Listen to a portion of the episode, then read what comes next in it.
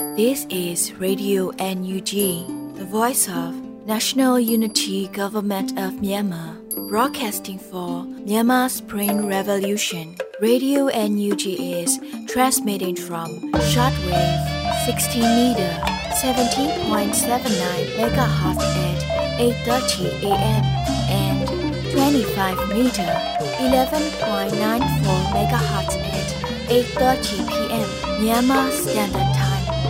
မင်္ဂလာပါရှင်အမျိုးသားညီညွတ်ရေးအစိုးရရဲ့အတန်လွတ်ဌာနရေဒီယို NUG ကိုမန္တပိုင်း၈နိုင်ခွဲမှာလိုင်းတူ6မီတာ19.7ခွန်ကုန်းမဂါဟတ်စ်နဲ့ညပိုင်း၈နိုင်ခွဲမှာလိုင်းတူ25မီတာ17.6ကိုလီမဂါဟတ်စ်တို့မှာဓာတ်ရိုက်ဖမ်းယူနားဆင်နိုင်ပါပြီရှင်မင်္ဂလာအပေါင်းနဲ့ကြိတ်ဆုံကြပါစို့အခုချိန်ကစပြီးရေဒီယို NUG စီစဉ်လေးကိုဓာတ်ရိုက်အတန်နဲ့ပေးနေပါပြီ မြန်မာနိုင်ငံသူနိုင်ငံသားအပေါင်းတဘာဝပြီးဆရာနာရှင်ပြီးတို့ကနေကင်းဝေးပြီးကိုစိတ်နှစ်ပါးပြီးကင်းလုံခြုံကြပါစေလို့ရေဒီယိုညူချီခွဲသားများကဆုတောင်းမြတ်တာပို့သလိုက်ရပါတယ်ရှင်။အခုချိန်ကစပြီးပြည်တွင်းသတင်းများကိုတော့ຫນွေဦးမိုင်မှဖတ်ကြားတင်ပြပေးပါရမရှင်။မင်္ဂလာပါရှင်။အခုချိန်ကစပြီးရေဒီယို UNG ရဲ့ဇန်နဝါရီလ16ရက်ပြည်တွင်းသတင်းများကိုတင်ပြပေးပါရမယ်။ ကျွန်မအຫນွေဦးမိုင်ပါ။အမျိုးသားညီညွတ်ရေးအစိုးရရဲ့စိုးမိုးထိန်ချုပ်နေမြေတွေစီကအခွင့်ကောက်ခံရရှိမှုမြန်မာငွေကျပ်3ဘီလီယံကျော်ထိရရှိတဲ့သတင်းကိုဥစွာတင်ပြပေးချင်ပါတယ်။အမျိုးသားညီညွတ်ရေးအစိုးရရဲ့စိုးမိုးထိန်ချုပ်နေမြေတွေစီကအခွင့်ကောက်ခံရရှိမှုမြန်မာငွေကျပ်3ဘီလီယံကျော်ထိရရှိခဲ့လို့ဇန်နဝါရီလ15ရက်နေ့တွင်ကျင်းပခဲ့သည့်သတင်းစာရှင်းလင်းပွဲမှာစီမံကိန်းဗဏ္ဍာရေးနဲ့ ယင်းနှမြုပ်နှံမှုဝင်ကြီးဦးတင်ထွန်းနိုင်ကအသိပေးဆိုပါတယ်။ကျွန်တော်တို့စိုးမိုးနိုင်တဲ့နေရာတွေမှာအခွန်မူဝါဒနဲ့အညီကောက်ခံနေတာရှိပါတယ်။ဒီနေ့ဒီအချိန်ထိဆိုလို့ရှိရင်အဆုစုအရရဲ့အခွန်ခေါင်းစဉ်အောက်ကနေကောက်ခံရရှိတာမြန်မာငွေနဲ့3ဘီလီယံကျော်လောက်ရှိပါတယ်လို့ဆိုပါတယ်။အဆိုပါစိုးမိုးနေမြင်များမှအခွန်ကောက်ခံရရှိမှုမှာရမှန်နှစ်ကလေးဖြစ်ပြီးကောက်ခံရရှိတဲ့နေရာများကိုတော့လုံခြုံရေးရာလှုပ်ဝက်ထားမှဖြစ်တယ်လို့စီမံဘဏ္ဍာဒုဝန်ကြီး ဦးမင်းစီယာဦးကလည်းဆိုပါတယ်။ဒါ့အပြင်နှွေဦးတော်လှန်ရေးရန်ပုံငွေအမေရိကန်ဒေါ်လာတန်တရာကျော်ရှာဖွေနိုင်ခဲ့လို့ဝန်ကြီးဦးတင်ထွန်းနိုင်ကဆိုပါတယ်။2021ခုနှစ်နိုဝင်ဘာကစတင်ရောင်းချခဲ့တဲ့ငွေတိုက်စာချုပ်တွေဟာအခုဆိုလို့ရှိရင်အမေရိကန်ဒေါ်လာ45တန်ဖို့အထိရောင်းချပြီးဖြစ်ပါတယ်။နောက်မင်းအောင်လှိုင်ရဲ့အိမ်ဖြစ်တဲ့ရန်ကုန်မြို့ကຫນွေဦးအင်းလျအိမ်ယာကိုဒေါ်လာ10တန်းနဲ့ရောင်းချခဲ့တာပြည်သူကလည်းတခဲနဲ့အားပေးလို့ မူလရည်မှန်းခဲ့တဲ့10တန်းဖို့အပြည့်အဝရောင်းချနိုင်ခဲ့ပြီဖြစ်ပါတယ်။နောက်တစ်ခု6မိုင်ခွဲကမင်းအောင်လှိုင်ရဲ့နောက်အိမ်တစ်လုံးကိုလည်း809တန်းဖို့ရောင်းချခဲ့တာအခုဆိုရင်ဒေါ်လာ4တန်းဖို့ရောင်းချခဲ့ပြီဖြစ်ပါတယ်။ဒီနေ့ဒီအချိန်ထိ UNG ရဲ့စီမံဘဏ္ဍာကနေတော်လှန်ရေးအတွက်လိုအပ်တဲ့ဘဏ္ဍာရန်ပုံငွေရှာဖွေပေးခဲ့အမေရိကန်ဒေါ်လာတန်တရာကျော်ရရှိရှာဖွေပေးနိုင်ခဲ့ပါတယ်လို့ဆိုပါတယ်ရှင်။ဆက်လက်ပြီးအမျိုးသားညီညွတ်ရေးအစိုးရ ဂျာကာလဒေသန္တရပြည်သူ့ချုပ်ရေးဖော်ဆောင်မှုဘောကော်မတီနဲ့တနင်္သာရီတိုင်းအရာဝတီတိုင်းပြည်သူ့အုပ်ချုပ်ရေးဖွဲ့များတွေ့ဆုံဆွေးနွေးပွဲကျင်းပတဲ့တဲ့ရင်ကိုတင်ပြပေးပါမယ်။အမျိုးသားညီညွတ်ရေးအစိုးရဂျာကာလဒေသန္တရပြည်သူ့အုပ်ချုပ်ရေးဖော်ဆောင်မှုဘောဟိုကော်မတီနဲ့တနင်္သာရီတိုင်းအရာဝတီတိုင်းပြည်သူ့အုပ်ချုပ်ရေးအဖွဲ့များတွေ့ဆုံဆွေးနွေးပွဲအစည်းအဝေးနှစ်မြင်းဆောင်2023ကိုဇန်နဝါရီလ15ရက်နေ့မှာကျင်းပခဲ့ပါတယ်။အစည်းအဝေး၌ ဂျာကာလဒေသန္တရပြည်သူ့ချုပ်ရေးဖော်ဆောင်မှုဘောကော်မတီအဖွဲ့ဝင်လူသားချင်းစာနာထောက်ထားရေးနဲ့ဘေးအန္တရာယ်ဆိုင်ရာစီမံခန့်ခွဲဝင်ကြီးဌာနပြည်တော်စုဝင်ကြီးဒေါက်တာဝင်းမြတ်အေးမှအမှားစကားပြောကြားခဲ့ပါတယ်။ဆက်လက်ပြီးစီမံကိန်းဗဏ္ဍာရေးနဲ့ရင်းနှီးမြှုပ်နှံမှုဝင်ကြီးဌာနမှဌာနနဲ့သက်ဆိုင်သည့်လုပ်ငန်းတာဝန်များမူဝါဒလမ်းညွှန်ချက်များကိုရှင်းလင်းပြောကြားခဲ့ပြီးနောက်ပြည်သူ့အုပ်ချုပ်ရေးအဖွဲ့ဝင်များမှမြေပြင်ကြုံတွေ့နေရသည့်အခက်အခဲများမူဝါဒ လမ်းညွှန်ချက်များနဲ့ဆက်လင်း၍သိရှိလိုသည့်များကိုအပြန်လှန်ဆွေးနွေးခဲ့ကြပါသည်။တွိတ်ဆုံပွဲသို့ပြည်ထောင်စုဝန်ကြီးများဒုတိယပြည်ထောင်စုဝန်ကြီးများအတွင်းဝင်များဌာနဆိုင်ရာများမှတာဝန်ရှိသူများတနင်္သာရီတိုင်းအေရဝတီတိုင်းပြည်သူ့အုပ်ချုပ်ရေးအဖွဲ့ဝင်များတက်ရောက်ခဲ့ကြပါရရှင်။ဆက်လက်ပြီးတွေဦးတော်လှန်ရေးအသက်ဆက်နေတာဟာတော်လှန်ရေးရဲ့အသက်သွေးကြောဖြစ်တဲ့ထောက်ပို့နဲ့ထောက်ပံ့ကူညီမှုတွေကြောင့်လို့ UNG နိုင်ငံခြားရေးဒုတိယဝန်ကြီးဦးမိုးစောဦးပြောကြားတဲ့တဲ့ရင်ကိုတင်ပြပေးပါမယ်။ဇန်နဝါရီ14ရက်တွင်ကျင်းပခဲ့သော UNG ဒုတိယနိုင်ငံခြားရေးဝန်ကြီးဦးမိုးစောဦးနဲ့ဘော့စတွန်လူထုတွေ့ဆုံဆွေးနွေးပွဲမှာဒုတိယဝန်ကြီးကအခုလိုဆိုခဲ့ပါတယ်ဒီဒေါ်လာရေးဟာပွန်ပွန်လင်းလင်းပြောရရင်ထောက်ပံ့မှုတွေမရှိဘဲဘာမှလုပ်လို့မရဘူးကျွန်တော်တို့ဒေါ်လာရေးကအသက်ဆက်နေတာဒေါ်လာရေးရဲ့အသက်သွေးကြောလို့ပြောလို့ရတဲ့ထောက်ပို့နဲ့ထောက်ပံ့ကူညီမှုပါ ဆက်ပြီးတော့လည်းကူညီပေးကြပါကျွန်တော်တို့ဒေါ်လာရေးဟာကျွန်တော်မကြာခဏပြောသလိုကိုထူကိုထဒေါ်လာရေးလည်းဖြစ်ပါတယ်လို့ဒူဝင်ကြီးကဆိုပါတယ်ဒါပြင်စစ်ကောင်စီကိုတုံ့ပြန်ရမှာနိုင်ငံခြားရေးနဲ့နိုင်ငံတကာဆက်ဆံရေးကလည်းအရေးကြီးပြီးလက်ရှိမှာစစ်ကောင်စီကနိုင်ငံတကာကတန်တမာရေးရာရှော့ချမှုတွေဆောင်ရွက်လာတာကိုတွေ့ရှိရပြီး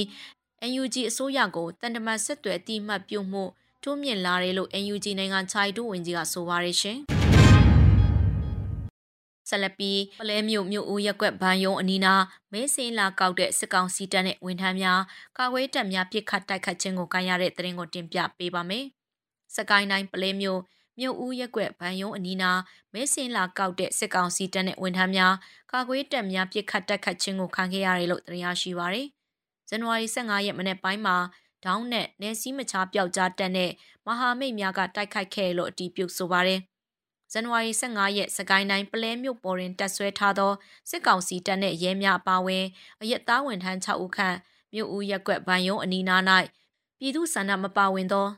မတမာရွေးကောက်ပွဲအတွက်မဲစင်းလာကောက်ခြင်းရမပင်ခရိုင်အမှတ်30တက်ရင်ဒေါင်းနဲ့ရဲခေါင်တက်စုမှလက်နက်ငယ်များဖြင့်တိုက်ခတ်ခဲ့ပါတယ်လို့ဆိုပါတယ်။ထိတွေ့မှုတွင်အပြန်အလှန်ပစ်ခတ်မှု10မိနစ်ခန့်ရှိခဲ့ပြီးရန်သူဘက်မှအင်အားများလာသောကြောင့်ရဲဘော်များအနေကင်းစွာပြန်လည်ဆုတ်ခွာခဲ့ပါတယ်လို့ဆိုပါတယ်။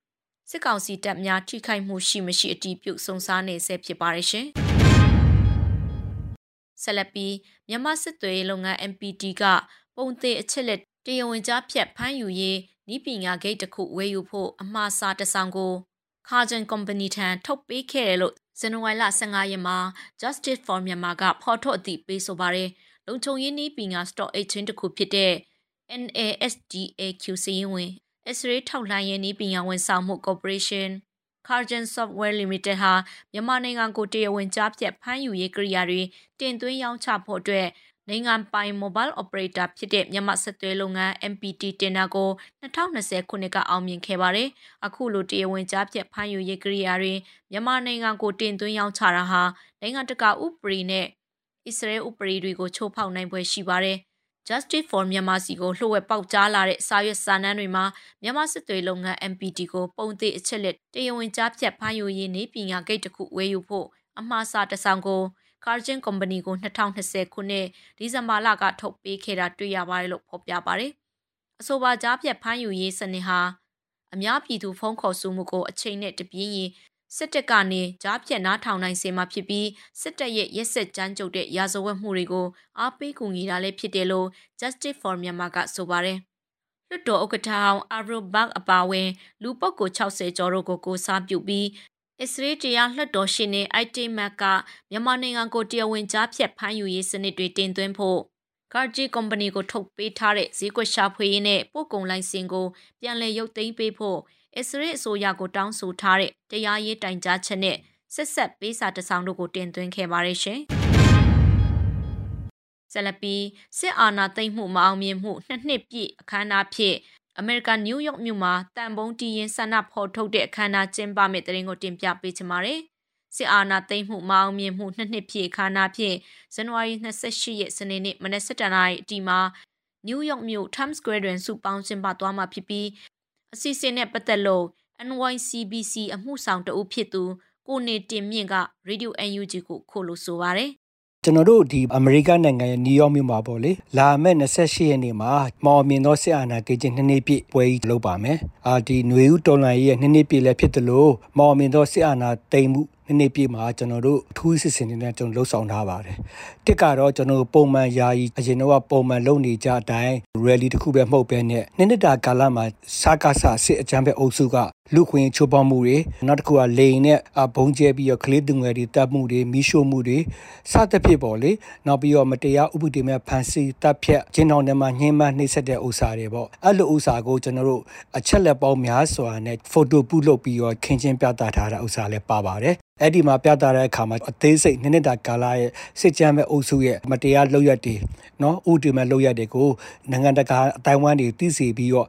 ပို့ပြီးတော့ဒီစစ်အကြမ်းဖက်အုပ်စုကိုဖိအားပေးဖို့တွန်းအားပေးဖို့ရည်ရွယ်ချက်နဲ့ကျွန်တော်လှုံ့ဆော်ခြင်းဖြစ်ပါတယ်။ဒါ့အပြင်နှစ်နှစ်ပြည့်ကာလဒီကာလကျွန်တော်တို့လှုံ့ဆော်ချက်မှာတန်ပုံးတီးပြီးတော့လဲဒီစစ်အာဏာရှင်နီကုံ2023ဆိုပြီးတော့တန်ပုံးတီးပြီးတော့ဒီစစ်အာဏာရှင်ကိုဖြိုဖျက်ဖို့ မောင်းထုတ်ဖို့အတွက်ဒီအစီအစဉ်မှာထည့်သွင်းထည့်ထားပါတယ်။လာမဲ့ဒီနိုင်ငံခြားသားတွေကိုလည်းကျွန်တော်တို့ကတူချင်းတယောက်ချင်းစီကနိမ့်တာကာလရဲ့အကြောင်းတွေအချက်လက်တွေကိုလို့ဒေးစိပြောပြနိုင်အောင်ပေါ့။အာကျွန်တော်အတူကျုံးနဲ့လှုပ်ဆောင်ဖို့လည်းပြင်ဆင်ဆောင်ရွက်ထားပါတယ်။ကျွန်တော်တို့ဒီနယူးယောက်ကပေါ့လေလှုပ်ဆောင်တာမကဘဲနဲ့ကျွန်တော်အမေရိကန်နိုင်ငံမှာဆိုရင်အရှိချမ်းဘက်မှာပေါ့ဝါရှင်တန် DC မှာလည်းဒီလိုလုပ်မဲ့ပွဲရှိပါတယ်။ဒါ့အပြင်ပေါ့ဆန်ဖရန်စစ္စကို area မှာလည်းအနောက်ချမ်းပေါ့အမေရိကန်နိုင်ငံအနောက်ချမ်းဆန်ဖရန်စစ္စကို area မှာလည်းဒီလိုပဲကျွန်တော်တို့ပွဲလုပ်ဖို့အတွက်ရှိပါတယ်။ဒါကြောင့်မို့အမေရိကန်တဝမ်းမှာဆိုရင်အရှိချမ်းဘက်မှာဆိုရင်နယူးယောက်ဝါရှင်တန် DC အနောက်ဘက်မှာဆိုရင်တော့ခုနပေါ့ဆန်ဖရန်စစ္စကိုပေါ့တနင်္ဂနွေအတိုင်းအတာနဲ့ကျွန်တော်လှုပ်ဆောင်ပါမယ်။အဲ့ဒီလိုပဲကျွန်တော်နိုင်ငံတကာနဲ့ချိတ်ဆက်ထားပြီးတော့လဲဒီ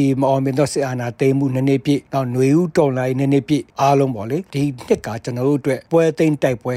အောင်ပွဲကိုစုခုဖို့အတွက်နိုင်ငံတကာအတိုင်းဝိုင်းတွေရောကျွန်တော်တို့အဝေးရောက်မြန်မာပြည်သူပြည်သားအားလုံးကိုလည်းကျွန်တော်တို့ clear message ပေးတဲ့ပွဲဖြစ်ပါတယ် နယူးယောက်မြို့မြို့ရဲ့ပေါ့နော်အထင်ကရ Times Square ရင်ပြေတော်မှာကျွန်တော်ကျင်းပမှာဖြစ်ပါတယ်အချိန်ကတော့ဗမာပြည်မှာရှိတဲ့သူတွေရော live flip နဲ့ကမှာကြည်နိုင်အောင်လို့17နာရီကတနာရီထိလုပ်ထားပါတယ်ဇန်နဝါရီလ28ရက်နေ့စနေနေ့17နာရီကတနာရီ Times Square ရင်ပြင်မှာအမေရိကန်နိုင်ငံရဲ့နယူးယောက်မှာကျွန်တော်ကျင်းပမှာဖြစ်ပါတယ် စစ်အာဏာသိမ်းမအောင်မြင်မှုဟာလာမယ့်ဖေဖော်ဝါရီလရက်နေ့မှာနှစ်နှစ်တင်းတင်းပြည့်တော့မှလည်းဖြစ်ပါတယ်။လက်ရှိအချိန်ထိစစ်အာဏာရှင်စန့်ကျင်ရေးလူထုလှုပ်ရှားမှုတပိတ်များဟာပြည်တွင်းပြည်ပနေရအနှံ့ဆင်နွှဲတိုက်ပွဲဝင်နေဆဲဖြစ်ပါတယ်ရှင်။ယခုတင်ပြပေးခဲ့တဲ့သတင်းတွေကို Radio UNG သတင်းထောက်မင်းမင်းကပေးပို့ထားတာဖြစ်ပါတယ်ရှင်။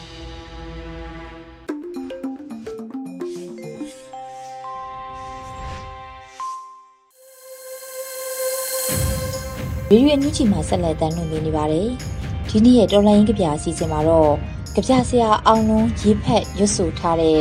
ခစ်ထဲကခုံချသွားတယ်လို့အမည်ရတဲ့တော်လိုင်းကဗျာကိုနားဆင်ကြရတော့မှာဖြစ်ပါတယ်ရှင်။ခစ်ဆိုးတဲ့ကခုံချသွားတယ်ခစ်ထဲကိုခုံချပြီးဝင်လာတာမဟုတ်ပေမဲ့ခစ်ထဲကခုံချပြီး ပြန်ထွက်သွားကြတယ်ရေဒီယိုခစ်ကိုလွန်လာတော့ရေစည်းချောင်းတွေကမျက်မြင်ကိုတွေလူတွေခုံထွက်သွားလိုက်ကြတာအချို့ကအသားကျနေတဲ့လူနေမှုတွေခုံချအချို့ကအကြက်အတဲတဲခုံချသမင်းမျိုးမကြတဲ့မျက်ရည်လုံးမြစ်ထဲခုံချတိုက်ပေါ်ကခုံချသွားတာများ တိရွက်ကလေးတွေကိုတရားပေါ်ကခုံချသွားတာများပန်းသီးလေးတစ်လုံးလိုလူကျင့်ဝတ်တွေပေါ်ကခုံချသွားတာများအစွဲအဖွေးသားနဲ့မိစ္ဆာတွေလိုနစီတွေဥနေအောင်အော်ဟစ်တာပဲနဖျားတွေဆိုတာတတ်တည်ထူဖို့ရစ်ကောင်တွေလိုမီးပုံနဲ့ခုံချစိတ်တစားတွေနဲ့ဝေးရ စိတ်တစားတွေနဲ့ခုံချအထားအတူတွေတော့လွဲနေပါပြီအားလုံးရောနေကောင်းကြပါရဲ့လားငါတို့အိမ်မက်မှာခွာရတွေပါနေသမျှတော့ကျွဲတအုပ်နဲ့ရန်လုတ်နေအောင်ပါပဲလေ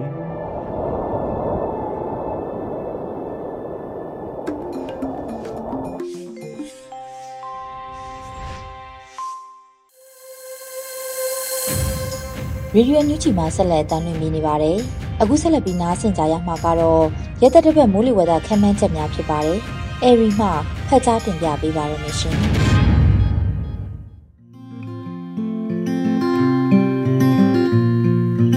မင်္ဂလာပါရှင်2023ခုနှစ်ဇန်နဝါရီလ16ရက်နေ့ကနေ22ရက်နေ့အထိမိုးလေဝသအခြေအနေခန့်မှန်းချက်တွေကိုတင်ပြပေးပါရမယ်။ အခုတစ်ပတ်အတွင်းထူးခြားချက်ကတော့အိန္ဒိယနိုင်ငံအရှေ့မြောက်ပိုင်းပေါ်မှာဖြစ်ပေါ်လာတဲ့လီဘီယာမြဒေသကြီးတစ်ခုကြောင့်မြန်မာနိုင်ငံအနောက်မြောက်ပိုင်းနဲ့မြောက်ပိုင်းဒေသတွေမှာလေအေးတွေအဆက်မပြတ်တိုးဝင်လာစေပြီးမြန်မာတပြည်လုံးကိုအေးပိုလာစေမှာဖြစ်ပါတယ်။နောက်ထပ်သတိပြုစရာတစ်ခုကတော့ဇန်နဝါရီလ18 19 20 21နဲ့22ရက်ဒီမှာ အရှိဘက်ကလေပြင်းတွေကပလီပင်လယ်ပြင်နဲ့တနင်္သာရီကမ်းရိုးတန်းတို့မှာတိုက်ခတ်လာနိုင်ပြီးလှိုင်းကြီးနိုင်တာကြောင့်အဆိုပါဒေသကရေလုံသားတွေအနေနဲ့အရှိလေပြင်းအန္တရာယ်ကိုသတိပြုလှုပ်ဆောင်နိုင်ကြဖို့အသိပေးအပ်ပါတယ်။စောင်းအေးအေးတက်နဲ့အတူရခိုင်ပြည်နယ်၊ချင်းပြည်နယ်၊စကိုင်းတိုင်း၊ကချင်ပြည်နယ်၊ရှမ်းပြည်နယ်၊မန္တလေးတိုင်း၊မကွေးတိုင်း၊ကယားပြည်နယ်၊ကရင်ပြည်နယ်နဲ့ပဲခူးတိုင်းတို့မှာမနက်ပိုင်းမြူထူတွေကျဆင်းနိုင်ပါတယ်။နေ့လိုက်တစ်ပတ်စာမူလဝတအခြေအနေတွေကိုဆက်လက်တင်ပြပေးသွားပါမယ်။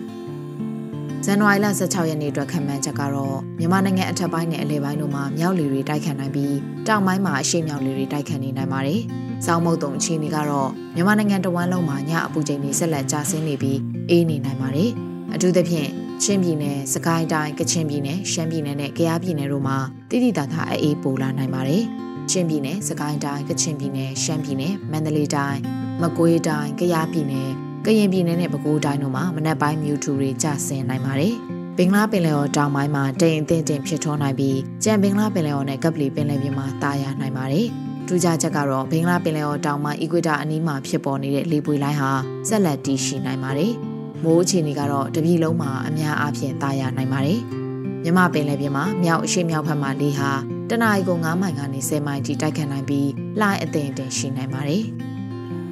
ဇန်နဝါရီလ18ရက်နေ့အတွက်ခံမှန်းချက်ကတော့မြန်မာနိုင်ငံအထက်ပိုင်းနဲ့အလယ်ပိုင်းမှာမြောက်လေတွေတိုက်ခတ်နိုင်ပြီးတောင်ပိုင်းမှာရှေ့မြောက်လေတွေတိုက်ခတ်နေနိုင်ပါတယ်။စောင်းမုတ်တုံအခြေအနေကတော့မြန်မာနိုင်ငံတဝန်းလုံးမှာညအပူချိန်တွေဆက်လက်ကျဆင်းနေပြီးအေးနေနိုင်ပါတယ်။အထူးသဖြင့်ချင်းပြည်နယ်၊စကိုင်းတိုင်း၊ကချင်ပြည်နယ်၊ရှမ်းပြည်နယ်နဲ့ကယားပြည်နယ်တို့မှာအေးပိုနိုင်ပါတယ်။ချင်းပြည်နယ်၊စကိုင်းတိုင်း၊ကချင်ပြည်နယ်၊ရှမ်းပြည်နယ်၊မန္တလေးတိုင်း၊မကွေးတိုင်း၊ကယားပြည်နယ်၊ကရင်ပြည်နယ်နဲ့ပဲခူးတိုင်းတို့မှာမနက်ပိုင်းမြူထူတွေကျဆင်းနိုင်ပါတယ်။ ဘင်္ဂလားပင်လယ်ော်တောင်ပိုင်းမှာတိမ်အထင်တင်ဖြစ်ထွန်းနိုင်ပြီးကြံဘင်္ဂလားပင်လယ်ော်နဲ့ကပလီပင်လယ်ပြင်တို့မှာတာယာနိုင်ပါတယ်။ထူးခြားချက်ကတော့အီကွေတာအနီးမှာဖြစ်ပေါ်နေတဲ့လေပွေလိုင်းဟာပြက်ပြဲသွားပြီးဖြစ်ပါတယ်။မိုးအခြေအနေကတော့တပြည်လုံးမှာအများအပြားတာယာနိုင်ပါတယ်။မြမပင်လယ်ပြင်မှာမြောက်အရှိမြောက်ဘက်ကလေဟာတနအီကို9မိုင်ကနေ10မိုင်ထိတိုက်ခတ်နိုင်ပြီးလှိုင်းအထင်တင်ရှိနိုင်ပါတယ်။ဇန်နဝါရီလ18ရက်နေ့အတွက်ခံမှန်းချက်ကတော့မြန်မာနိုင်ငံအထက်ပိုင်းနဲ့အလယ်ပိုင်းမှာမြောက်လေတွေတိုက်ခတ်နိုင်ပြီးတောင်ပိုင်းမှာအရှေ့မြောက်လေတွေတိုက်ခတ်နေနိုင်ပါတယ်။ စောင်းမုတ်တုံအခြေအနေကတော့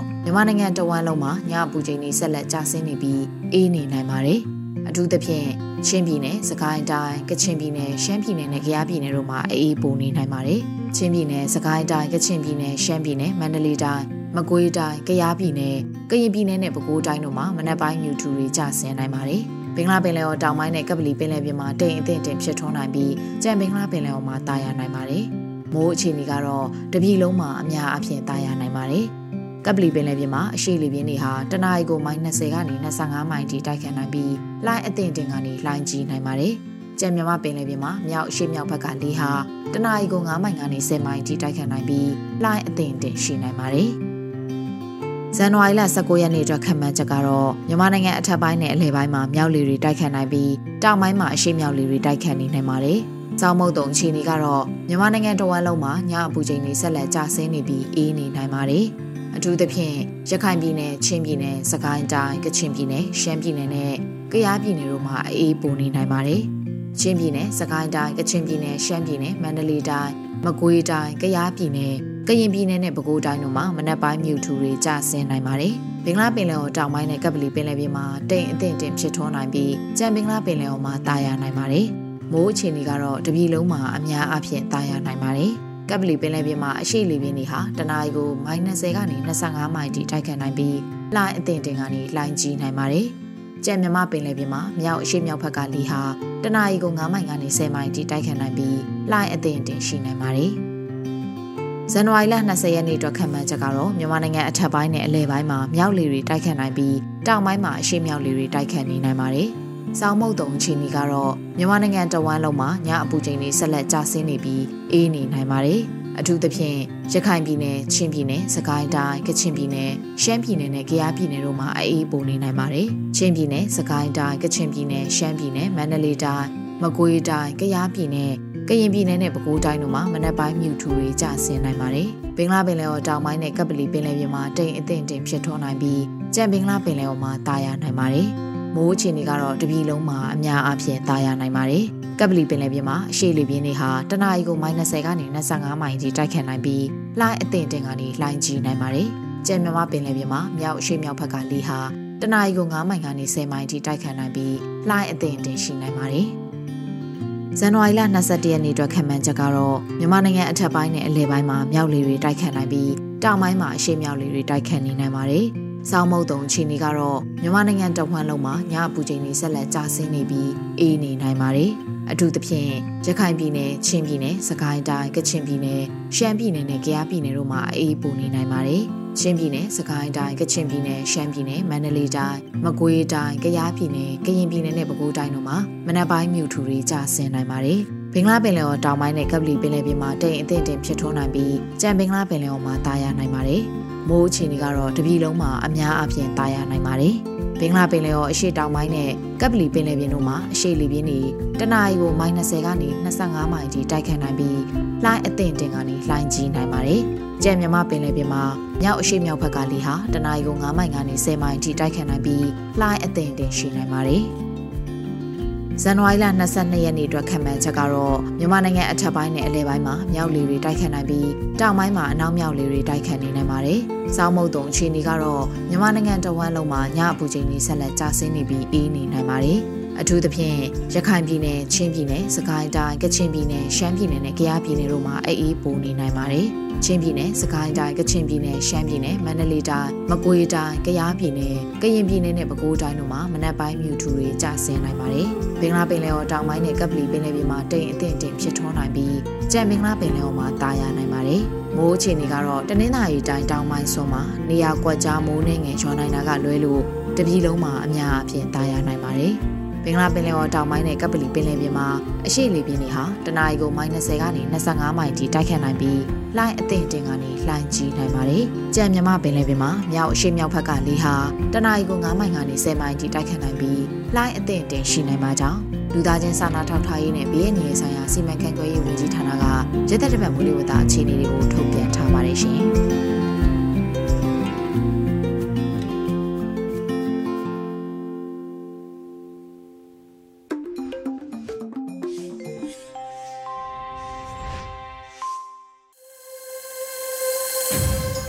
ရေဒီယိုညူချီပရိသတ်တွေအတွက်ကူးဆက်လက်ပြီးထုတ်လွှင့်ပေးမယ့်စီစဉ်ကတော့တိုင်းရင်းသားဘာသာစကားနဲ့သတင်းထုတ်လွှင့်မှုအနေနဲ့စကောကရင်ဘာသာဖြင့်တပတ်အတွင်းသတင်းတွေကိုတော့ရော်နွေဦးပွင့်မှဖတ်ကြားတင်ပြပေးပါရမရှင်။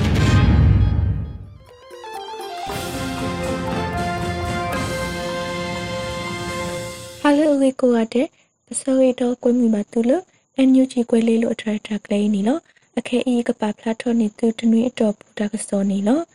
ရဲရမိမေနော်ຫນွေဥပွင့်နေလော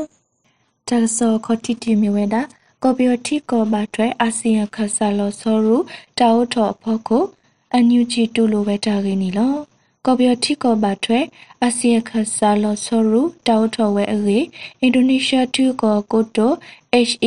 ရန်နို LP မဆူဒီနီပိုဘာလဝဲဖို့ကိုအန်ယူဂျီပဒိုနီတူလိုဝဲအေဖဲလာယနူအာရီတစီတတော်နီနီပိုဘာဝဲတာနီလော ထုကောကုတုမစ္စစ်ရတ်နိုနီဒီအမေခဆာလောဆောရုခုနာအတုမူဒါလေအလောဘာတဖာကူကလဆမဝဲအေနာဝဲဒါအေလေပဝဲပဒုတခောပနာဝဲဒါနီလောတကာတိပါအာဆီယံနီကော်ပီယတိကောဖို့ကိုတာမဆကိတာအတဟောဆုထောဝဲအောမစ္စစ်ရတ်နိုနီမူဒါလေအလောဘာအောကမဝဲဒူအလောပွဲဒေါ့ ခဆာရူအတိုလောကောတနလေအရိဒိုဝဲတဖာတိုပကညောဂီခေါတီတော့ကလိုစီဂီကိုအကလိုကွာတဖာဘာတာနောဖာလောအဝီတီဘာဝဲအေပါဖလာဝဲဒါနီလောဖဲအာဆီယံနေအင်ဒိုနီးရှားတိကောခုနာစတ်တော်ဖီတာမတာဆကတော့ဘာခါဒကိုပီယိုတိကောအဂီနီကမ္လတဖာအတာပါတာအတဟဆုထောဆကတော့တကတိပါမေဆီကိုတာဆကတော့လေအရိဒိုဝဲလေကိုပီယိုတိကောဝနီနော် အန်ယူဂျီပဒိုအတိုအင်ဒိုနီးရှားထိကောနေဒီမီအဆီယံပပလောစင်အတိုကဟီနီမူနာတော့ထီကောကိုတိုမစ္စစ်ရက်နိုနီဒီမီကိုပီယထိကောဘထွဲအဆီယံခဆာလောဆရူခုနာအတိုတာဟီနီမူဒါဒေါ်တာဖိတမတဖအဖို့ကိုတူလိုဝဲအေဒေါ်ကပဖူမသကိုတာအောတဲဝဲအတိုပတိုနီဘာတာကစောနီလောတာကစောခီတီမီဝဲတာ လက်ထူကောဂါဂီကတခေါနေတမဆုမဆုပဒိုအိုတီယူတီလီအဂေပကညောခွဲရကိုတိုဦးအောင်မျိုးမေတဲဝဲတာဂီနီလောဖဲလိုက်နူအာရီတစီရတနီတမဝဲတာပပါဝင်လက်တွဲတနင်္သာရီအောင်ပွဲတာဦးထုံမှုတာတက်လက်ဘူးပကညောခွေရကိုတူဦးအောင်မျိုးမင်းတဲဝဲတာဒီနီလောဆကတော်ခဲဤအညွချီပဒိုနေလော်တနီတော်ဘူးကဒူတော်မနပွေဝဲ တနီတော်ဘူးတတ်တိုဝန်နီယပလန်ဤပါလောဝဲလတနိုးလိုဘလဝီအဂိမီရေလောပုကွီနီနေပယောတိမဆုမဆုတာတဖာဥကလဆဝဲဒီတိုကဟီနေဆုတာဆုတာကမောနာတကေမဝဲတနေဒေါ်အခဲဤလထူကောဝီကတခေါနေတမဆုမဆုပဒိုအိုဒီယူတီလီအဂိနေကိုတိုတဲဝဲတာနီလော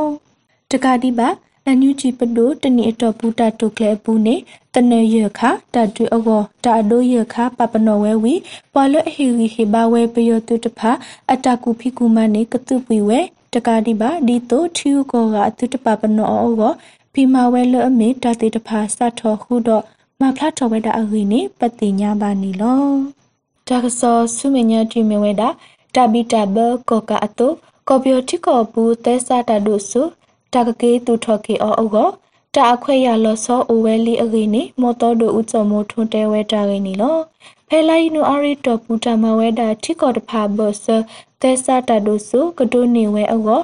အခုတော့အတုကိုတုအပတော်တာဖို့ဘူးပမှုဆဖို့ဘတ်ရဲကော်ပီယခဆာမော်တော်ဒိုဥချုံမိုထွန်းနေတဲဝဲတာဒီနီလောတဘီတဘကောကပူလောကော်ပီယထိကောပူကဲထော်ဝဲဘတ်ရဲတာဥတာတဖာ အစောကတပါဂနီဝဲအဖို့ကိုစီဘလူဝဲဒါအေအခဲဤတဘီတာဘကောကအတုကော်ပီယတိကောဘူးတဲစာတာဒုဆုတကကေတူထော်ကီအောအောတာအခွဲရလောဆောအဝဲလီအေပယောတူအတတဖူဤအတမအမတ်တော်တကဒတဒဝဲအောမီကေတော့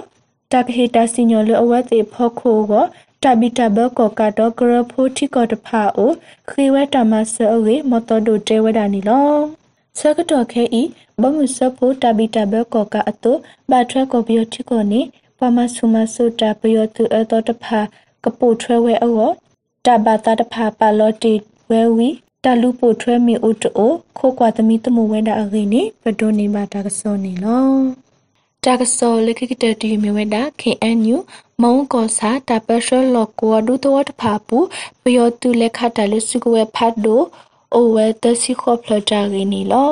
KNU မုံကောစာတာပရှလောကောဒူတောတဖာပူပယောတူလက်ခတာလစုကွဲဖတ်ဒိုတစီခေါဖလအရင်းနီဖဲလိုက်နူအရိတစီလီတောနီ KNU တကစောမူပါထထောဝဲတကစောနီလော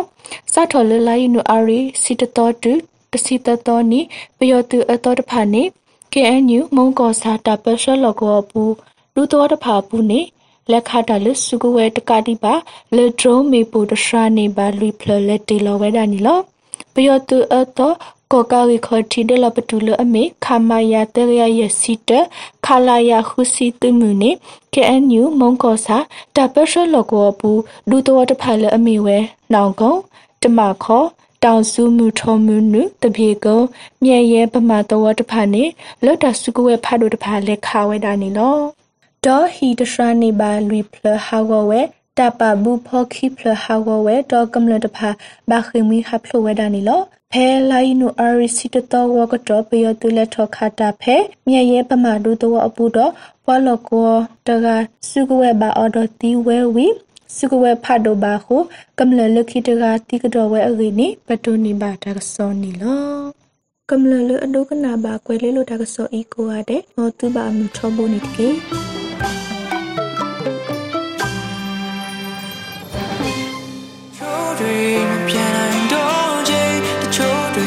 ဆုံးနိုင်တော့ချေတချို့တွေအမောင်ရံတွေထဲလမ်းပြန်ခဲ့ပြီဒီနေ့မှရရအောင်ရင်ပြီရောင်နေတွေလင်းတဲ့တကယ်ပဲတင်လို့လေးပြလို့နိုင်မလားဒီချေလေးတွေကျွေးလန်းချင်တင်လို့လေးပြလို့ရလားအနာဂတ်တွေ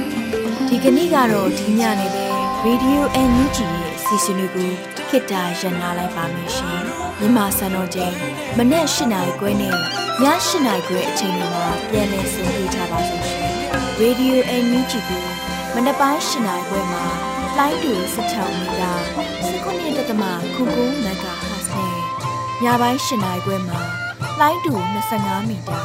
17.6မဂါဟတ်တို့မှာဓာတ်ရိုက်ဖမ်းယူနားဆင်နိုင်ပါပြီရှင်။ မြန်မာနိုင်ငံသူနိုင်ငံသားများကိုစိတ်နှဖျားစမ်းမချမ်းသာလို့ဘေးကင်းလုံခြုံကြပါစေလို့ Radio NUG ရဲ့ဖွဲ့သူဖွဲ့သားများကဆုတောင်းလိုက်ရပါတယ်။ San Francisco Bay Area အခြေစိုက်မြန်မာမိသားစုများနိုင်ငံတကာကစေတနာရှင်များလိုအားပေးများရဲ့ Radio NUG ဖြစ်ပါတယ်ရှင်။အရေးတော်ပုံအောင်ရမည်။